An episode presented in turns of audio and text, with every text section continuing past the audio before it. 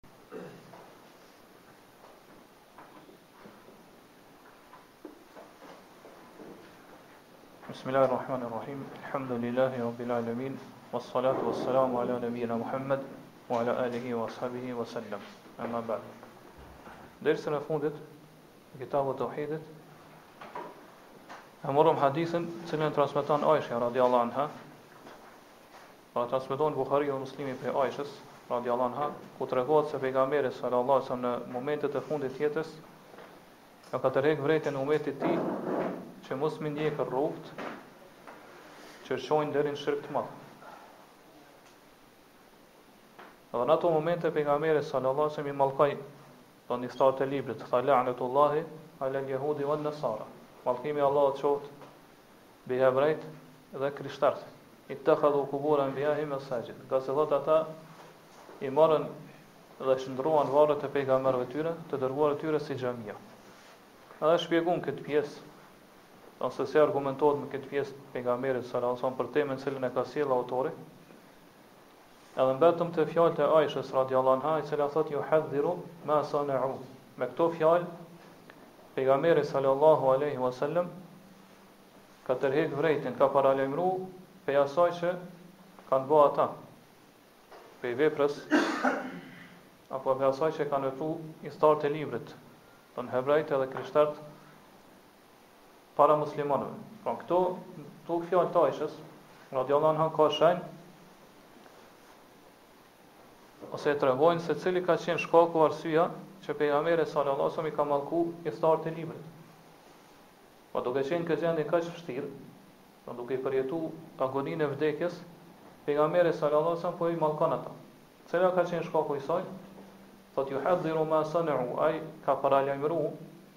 Dhe ja ka tërhek vërejtjen umetit tij që mos me ba atë që e kan ba ata. Dhe mos me ba të njëjtën vepër, të njëjtën punë që e kan ba ithtarët e librit më herët. Po sahabët, shokët e tij, po dhe gjithë umetit deri në ditën e kiametit pejgamberi sallallahu alaihi wasallam me këto fjalë po ja tërhek vërejtjen që mos me ndjek rrugën cilën e kanë ndjek umetet e mëhershme. Që varret e pejgamberëve tyre i kanë shndrru në vend falje ose në vend adhurim. Edhe sahabët e kanë pranu këtë paralajmërim të pejgamberit sallallahu sallallahu alaihi wasallam. Pra e kanë marrë këtë amanet prej tij dhe kanë çu në vend amanetin. Pra kanë kanë punu me amanetin edhe porosinë e pejgamberit sallallahu alaihi wasallam. Edhe Aisha vazhdon thotë laula zalika wa laula zalika ubriza qabruhu. Dhe sikur mos kish ken ky paralajmërim prej Pejgamberit sallallahu alaihi wasallam, atëherë varri i tij ish ngrit ose ish bë i shfaqur. Po qëllimi është që varri i tij Pejgamberit a.s. ish varros në mesin e muslimanëve të tjerë që vdesin, pra në varrezat e Beqijës. Sikur mos kish ken, kish ken, kish ken ky paralajmërim prej Pejgamberit a.s., që u ka tërhek vërejtjen sahabëve në momentet e vdekjes, që mos me shndrru varrin e tij në vend adhurim, atëherë varri i Pejgamberit a.s. ish bë i dukshëm, pra qëllimi është që ish vendos mesin e varreve tjera të muslimanëve, pra në varrezën e Bekijes.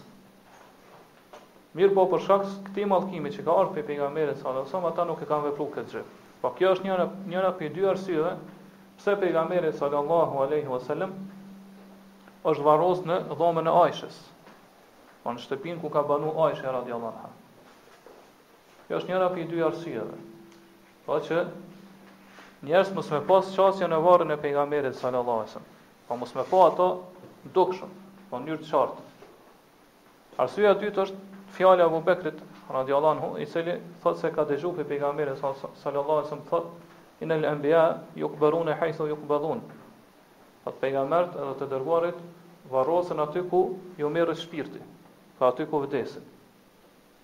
Pra për këto dy arsye pejgamberi sallallahu alaihi wasallam është varros në dhomën e Ajshës.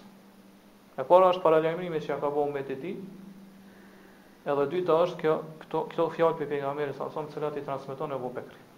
Edhe vazhdon Ajsha thotë ghaira annahu khashiya an yutakhadha masjidan. Thot ish Ba varri i tij i dukshëm, do thotë për njerëz, i mundshëm që njerëzit me pa, me pas qasje, mirëpo thotë pejgamberi sallallahu alajhi wasallam është frikësuar që mos shndërrohet ai në xham mesxhid, pra në vend faljeje apo në vend adhurim. Çka fjala ghayra annahu khashiya është frikësu është transmetuar në dy mënyra, në dy mënyra. Një është khashiya, pra me me fatha khashiya, Që tregon se pejgamberi sallallahu alajhi wasallam është ai i cili është frikësuar. Po është frikësuar që mos po shndrrohet varri i tij në vend adhurim, prandaj e ka bën këtë paralajmërim. Kurse leximi i dytë është khushia. Pra me damme.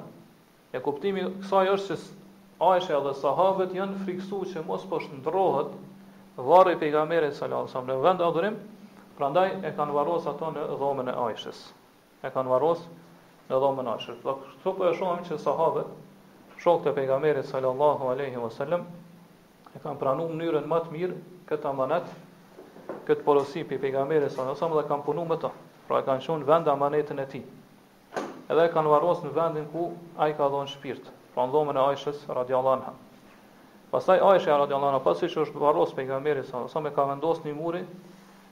mes pjesës ku ka banu ajo dhe pjesës ku është ku ka qenë varri i pejgamberit sallallahu alaihi wasallam kështu që varri i Aishës u bën dy pjesë po një pjesë ku ka flejt ajo do të thonë ku ka pushu ku ka nejt edhe pjesa e dytë ku ka qenë varri i vendosur varri i pejgamberit sallallahu alaihi wasallam pastaj kur ka vdekë Abu Bekri radhiyallahu anhu ai është varros në pjesën ku ka qenë pejgamberi, pra nga ana veriore e dhomës të Aishës radhiyallahu Edhe Aisha ka vazhdu me qëndru në këtë pjesën tjetër.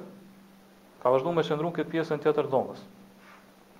E kur është varros edhe Omeri radiallahu anhu në atë dhomë, atëherë Aisha radiallahu anha ka lanë dhomën e saj, edhe dhoma në cilën pa ka banu Aisha është mbyllë.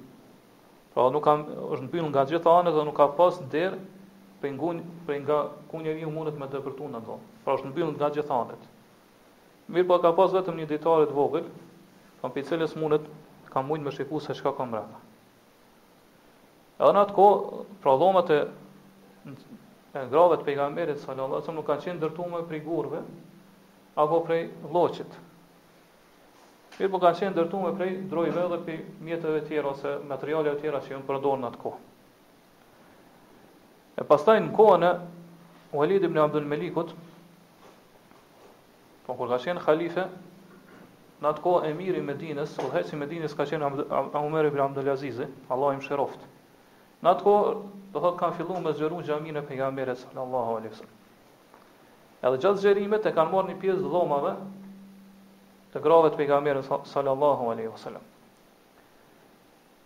Në mesën e atyne dhomave ka qenë edhe dhoma Aishës, e cila ka mbet në gjendje, do nuk është prek.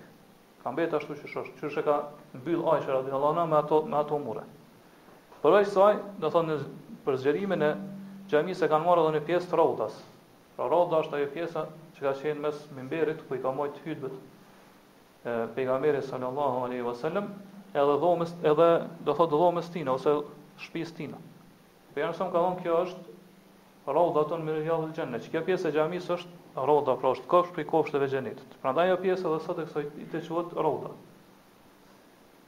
Po pastaj kur e kanë zgjeruar këtë pjesë xhamisë të pejgamberit salallahu alejhi ve selem kanë ndërtuar edhe një mur tjetër rreth murit të Aishës radhiyallahu anha. Rreth dhomës të Aishës radhiyallahu anha.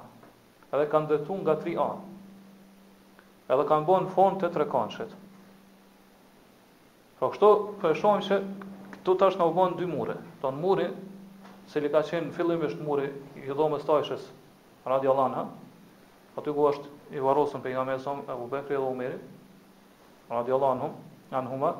Pastaj ky muri tjetër i cili ka ardhur në formë të trekëndshit. Pra kanë filluar me ndërtu murin nga ana jugore drejt e pastaj kanë fillu do thot duke shku duke i bashku muret deri sa nga ana veriore domethënë është bën form trekëndshe pra me maje po kibla për me kuptu këta ma mirë kibla në xhaminë e pejgamberit salallahu alejhi ve selem është në anën jugore kurse këta këtë majën e trekëndshit e kanë vendos në anën veriore domethënë anën e kundërt Pra e kanë bo një mur në formë të trekëndshit. Po, këtë murin, siç thamë, ka ndërtu Umer ibn Abdul Azizi, që ka qenë emir i Medines, në kohën e Walid ibn Abdul Melikut, i cili ka qenë khalifi i muslimanëve në atë kohë. Qëllimi pse e kanë vendos, do thotë këtë murin e dytë në formë të trekëndshit, e kanë bën nga frika se nëse e lajnë form të drejtkëndshit, po si katror kështu, atëherë njerëz kur falen mundën me marr varrin si kible të tyne. Prandaj për mi ik kësajna ata e kanë bën form trekëndshe. Që njerëz mos me mujt m'u drejtu ka ka varri, do të thotë gjatë namazeve të tyne ose gjatë adhurimeve të tyne. Edhe ky muri, këtë mur e kanë vendosë shumë larg murit të parë. Pra që është muri i dhomës së Aishës radijallahu anha. Pra qëllimi këtu ka qenë që njerëz njerëz mos me pas mundësi me iu drejtu varrit, për shkak se do thot hapësira ose distanca është shumë e lartë. Përmes murit të parë dhe murit të dytë. Edhe për këtë arsye edhe kanë bën murin siç thamë në form trekëndsh. Pastaj koha ka kalu, do thot një kohë e gjatë e kanë vendosur edhe një mur të tretë.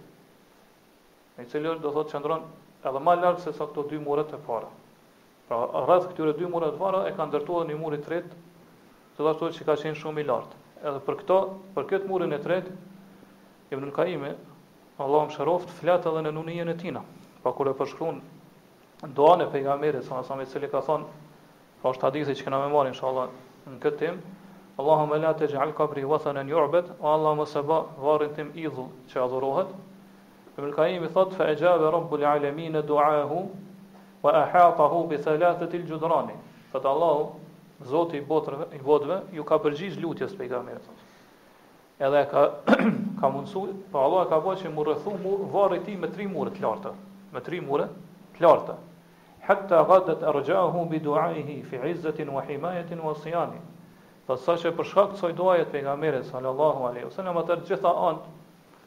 e varrit të tina do thotë janë të sigurta, janë të mbrojtura dhe nuk kanë mundësi, pra janë të lartësuara dhe nuk ka mundësi që njeri njeriu me shku afër aty dhe me pas qasje edhe me bë shirk Allahu subhanahu wa taala apo do thotë me adhuru Allahun te varri i pejgamberit sallallahu alaihi wasallam. Ashtu po e shohim që varri i pejgamberit sallallahu alaihi wasallam është i rrethuar me tri mure. Edhe çdo njëri prej këtyre mureve nuk ka derë përmes cilës mundesh me depërtu te muri. Prandaj askush nuk ka mundësi që me shku te muri dhe me qëndru afër tij, me madhëru apo me nderu. Ngase qysh thamë, së pari janë vendosë dy mure, do të thotë muri i parë dhe muri i dytë nuk kanë pas derë, e pastaj rreth tyre është vendosë edhe muri i tretë. Edhe ky muri i tretë, gjithashtu nuk ka derë dhe është shumë, do thotë, i ngritur shumë lartë. Pastaj, përngjitë, përmbi këtë murin e tretë, është vendosë ajo kupola e gjelbër që e shihni, do thotë, në xhaminë e pejgamberit, sallallahu. Kupola e gjelbërt, e gjelbërt është ndërtu dhe është bazuar mbi këtë murin e tretë. Kështu që askush nuk ka mundësi me depërtu te varri i pejgamberit sallallahu alaihi wasallam me hy afër aty, me pas qasje me u fërku për varrin e tina, apo bile thjesht nuk ka mundësi as me pa varrin e pejgamberit sallallahu alaihi wasallam. Pas kësajna, pas një, mbasi ka kaluar një kohë tjetër, është vendosur edhe një mur tjetër që është muri i hekurt. E ky ky mur i hekurt është vendosë mes murit të tretë dhe murit të dytë. Pra ata të cilët kanë qenë atje, do thotë me bë umre dhe kanë vizituar xhaminë e pejgamberit sallallahu ose ose në hax, po edhe përmes videove tash mundni me pa se njerëzit kur shkojnë me dhon selam pejgamberit sallallahu alajhi wasallam, aty është një mur i hekurt, do i ndërtuar prej hekurit.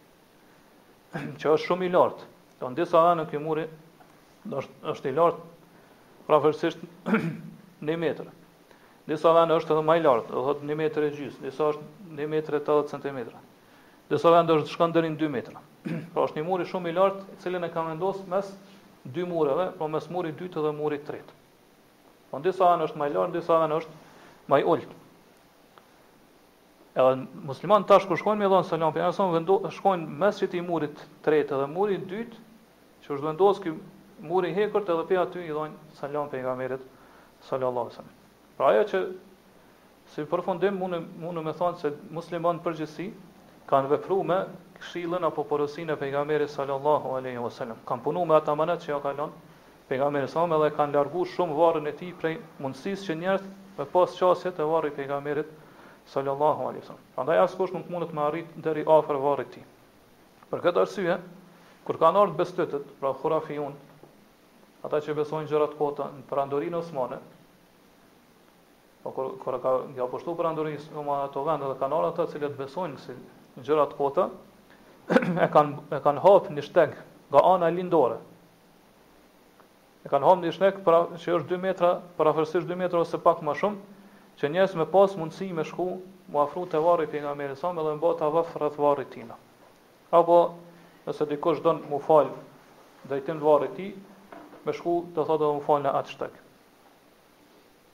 Po deri sa kanë ardhur këta perandorisë së sonë nuk ka ndodhur. Kur kanë ardhur këta, e kanë hapur atë shtekun atë.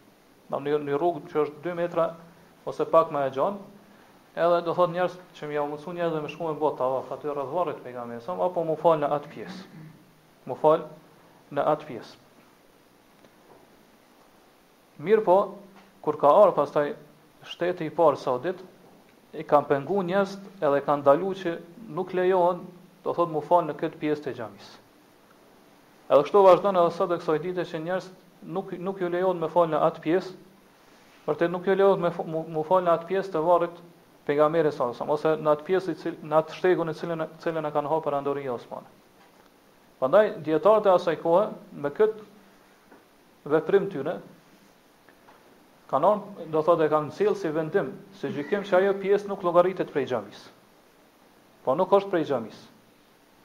Ngase sikur të kish qenë prej xhamisë, atëherë qysh pengohen njerëzit mu fal në xhaminë e pejgamberit sa.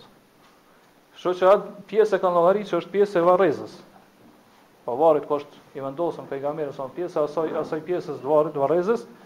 Kështu që do thon kanë thon që ajo pjesë nuk e merr vendimin e xhamisë dhe nuk bën mu fal në atë pjesë.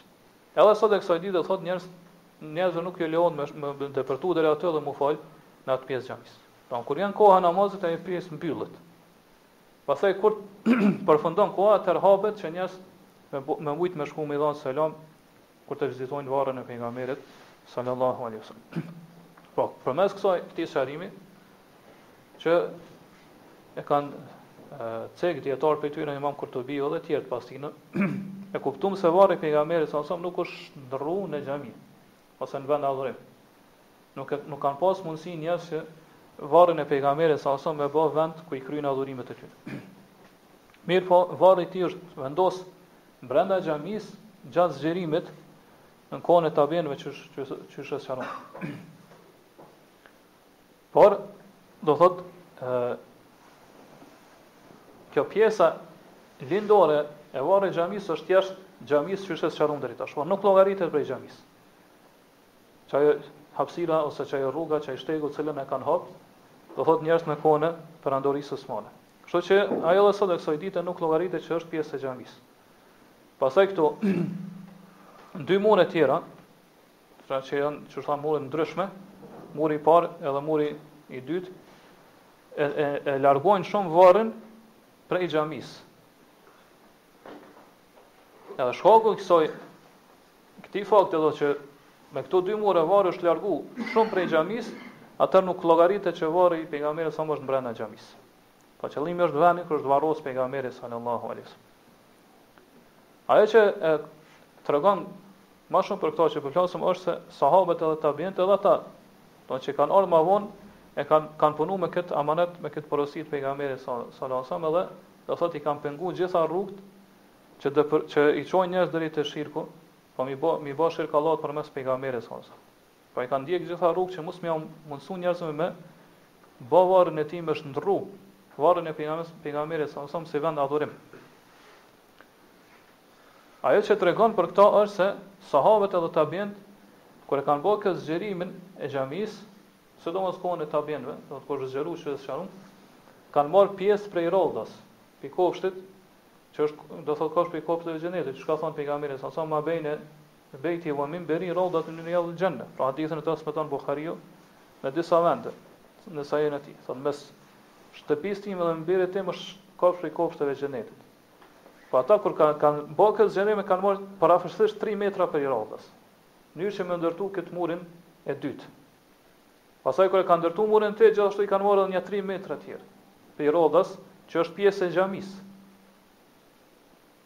Pastaj e kanë vendosë, do thotë, këtë, vërtet, kur e kanë vendosë këtë murin e hekurt që është mes murit dytë dhe murit të tretë i kanë marrë edhe një tri metra prej rawdas.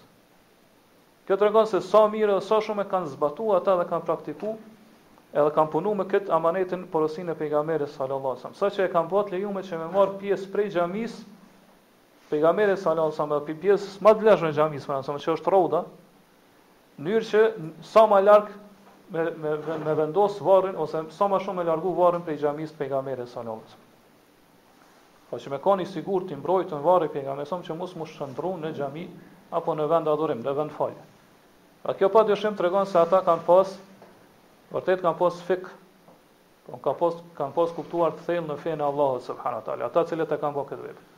Ata që në këtë mënyrë, në këtë formë kanë nda varrin prej xhamisë të pejgamberit sa. Këtë formë që e përshkruajtëm na e sqarum.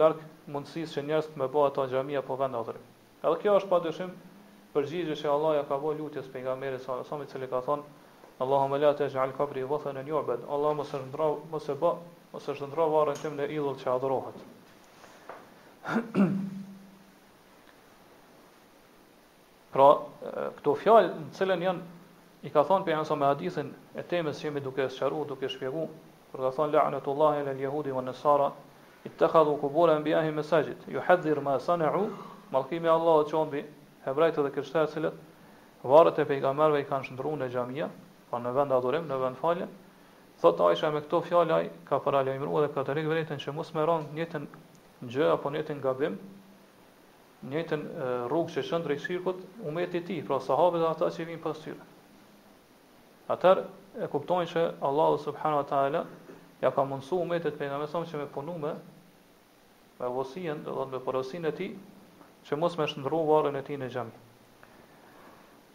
Ajo që ndodhet sot ose që e shohim sot në xhamin e pejgamberit sa sa.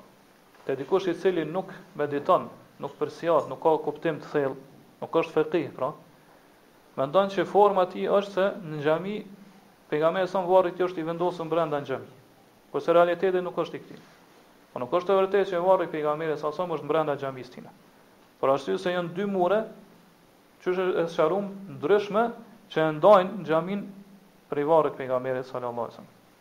Gjithashtu ana lindore e varrit pejgamberit sallallahu nuk është prej xhamisë, nuk llogaritet prej xhamisë, qysh e sqaruam. Për këtë arsye kur ka ardhur ky zgjerim i fundit,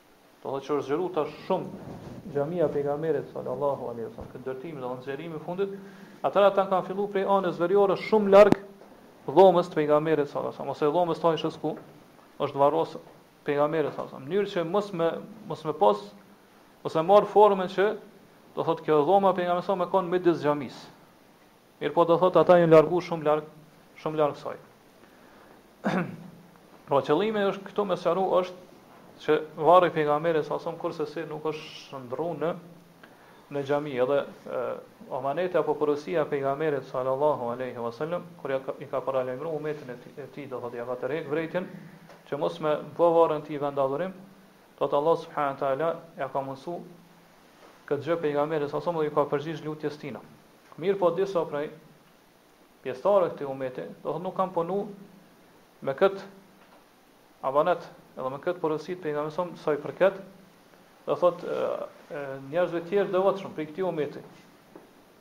Prandaj i kanë shndërruar dhe i kanë bë varret e disa prej familjes të pejgamberit salallahu si vend adhurim si xhamia, po vend ku i kryjnë lutjet, adhurimet e tyre. I kanë respektuar dhe i kanë madhruar përtej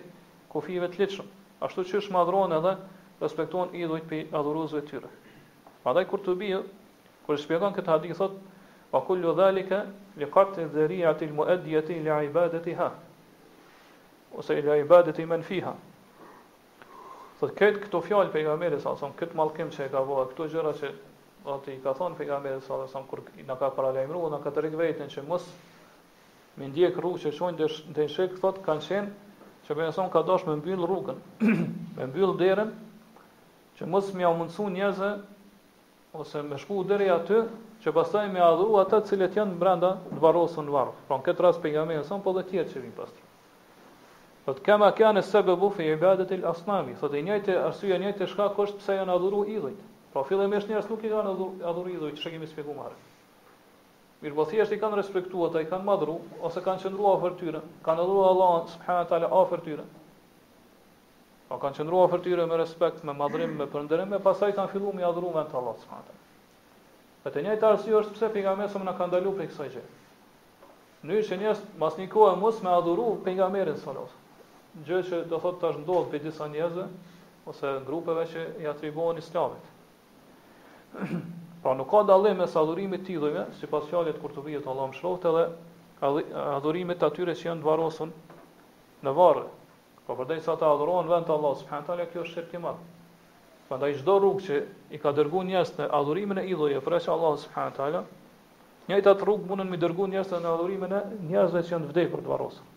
Po në tejkalimi i kufijve në respektimin edhe madhrimin e tyre si persona, mirëpo edhe tejkalimi i kufijve në respektimin edhe madhrimin e varreve tyre.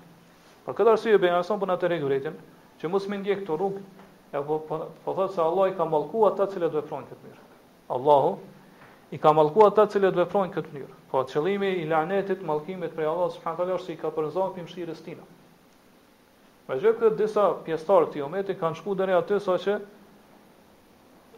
do thotë respektimin apo tejkalimin e kufijve në respektimin e madhrimin e varreve të njerëzve të devotshëm e llogarisin prej gjërave prej adhurimeve më madhore që të afrojnë te Allahu subhanahu wa taala. Kurse na po e shohim se kjo është do thotë vepra më e keqe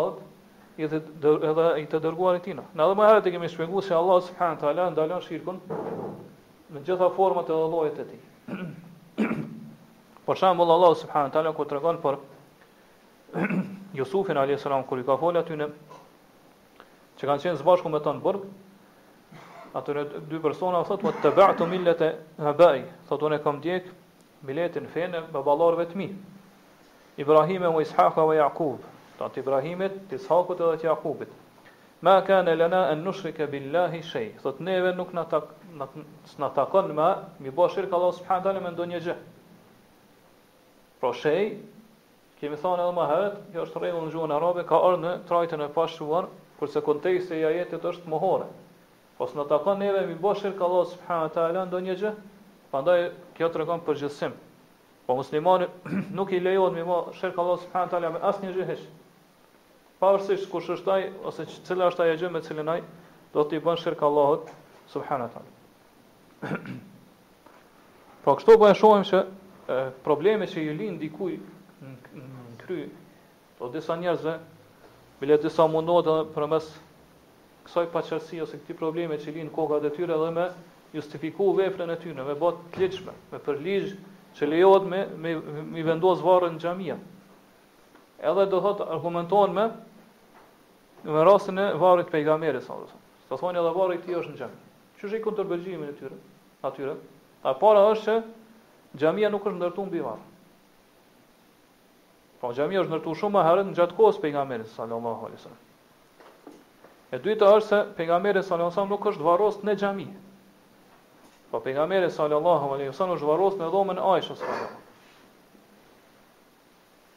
Prandaj nuk ka këtu argument që lejohet njerëz të devotshëm me i varros në xhamia. e treta është se e, futja e dhomave ose shtëpive të pejgamberit sa sa ku kanë kanë jetuar kanë banu gratë e tina, e mes tyre mesin e tyre është edhe dhoma Aishës radhiyallahu anha. nuk ka qenë me pajtushmërinë e këtyre sahabeve. Pra sahabët, shumica e tyre kanë vdekur në kohën kur është zgjeru xhamia e pejgamberit sa sa, pra në kohën e që është sharum kur emir ka qenë Omer ibn Abdul Aziz, edhe s'ka mbet pe tyre vetëm pak. Po shumica e tyre kanë vdekur. A kjo përafërsisht ka ndodhur në vitin e 94 të Hijretit. Po nuk mundu me thonë që kjo është prej veprave që i kanë leju sahabët ose do thotë kanë pas konsensus ixhma që kjo është e lejuar. Ngase disa thonë që kjo tregon se përderisa muslimanët nuk e kanë urryer këtë gjë, s'kanë folur ose s'e kanë kundërshtuar, kjo tregon që ka ixhma. Do thotë nuk, edhe pse do thotë shumica e sahabëve kanë vdekë, edhe ata pak që kanë mbet, edhe ata nuk e kanë lejuar një gjë, edhe kanë kundërshtuar një gjë të këtillë. Gjithashtu prej atyre që kanë kundërshtuar këto është edhe pi tabiinëve është Said ibn Musayyib. Po nuk ka qenë i kënaqur që me bë me zgjeru në këtë mënyrë xhaminë e pejgamberit sallallahu alajhi wasallam. Edhe e katërta është, siç e sqaruam deri tash, që varri i Pejgamberit sa nuk është në xhami. Po edhe pasi që do të thotë është është zgjeru xhamia e Pejgamberit sa edhe në formën e jashtme mundet me kuptu te dikush që që sqaruam që nuk nuk mund nuk mediton thell ose nuk përcjell mundet me me me, me mendu që varri i tij është brenda në xhami, Ne prap themi që varri i pejgamberit sa sa nuk është në xhami. Ngase dhoma në cilën është varros pejgamberi është dhomë e veçantë, është shumë larg xhamisë. Edhe do thotë rreth tij në rreth asaj dhome janë janë ndërtu tri varre të cilat e, e, e rrethojnë ato dhe nuk e nuk ju ja mundësojnë njerit me pas qasje në varrin e pejgamberit sallallahu alajhi wasallam. Sa që do thotë edhe varri i dytë, tham është i ndërtuar në formë trekëndshit, pra në formë kandit kështu, me maje që njeri mos me pas mundësi që nëse i drejtohet, do thotë kibles me u drejtu varrit pejgamberit sallallahu alajhi wasallam. Kur po kur të falet, nuk ka mundësi që me u drejtu varrit pejgamberit sallallahu alajhi wasallam. Pra, përmes kësaj na ne e largojmë atë paqartësinë ose problemet që ose atë dyshimin që dikush mundet me sjellë dhe me argumentu me ta, me thonë, pra prej adhuruesve të varreve, me thonë që është e lejuar që varret e njerëzve të devotshëm mu vendos në brenda xhamia ose me thonë që kjo ka qenë vepër e muslimanëve po pi kohës tabiinëve deri sot muslimanët e kanë pranuar këtë gjë, do thotë nuk, nuk e kanë refuzuar. Prandaj them që refuzimi ka ndodhur në kohën e tabinëve, që siç ka ardhur prej Ibn Musejibi që është transmetuar. Edhe nuk ka pas ixhma konsensus mes muslimanëve për këtë gjë. Po edhe nëse nëse supozohet që ka pas ixhma, prap themi që përmes atyre katër ë pikave të para që është dhënë përgjigje, ne themi që varri nuk i pejgamberit nuk është mbrenda në xhami. Edhe nëse supozohet që ka pas ixhma. Mirëpo, prapë po themi që ixhma nuk ka pas mes muslimanëve për këtë gjë. Po edhe se supozohet që ka pas ixhma, atëherë prapë themi që varri pejgamberit salallahu alejhi ve selem nuk është nuk llogaritet në xhami, edhe nuk mundet dikush me marr këto si argument që lejohet me varros dikush një njeri i devotshëm apo dikush tjetër, apo që varrin e tij me madhëru, me respektu, duke e vendos brenda xhamisë.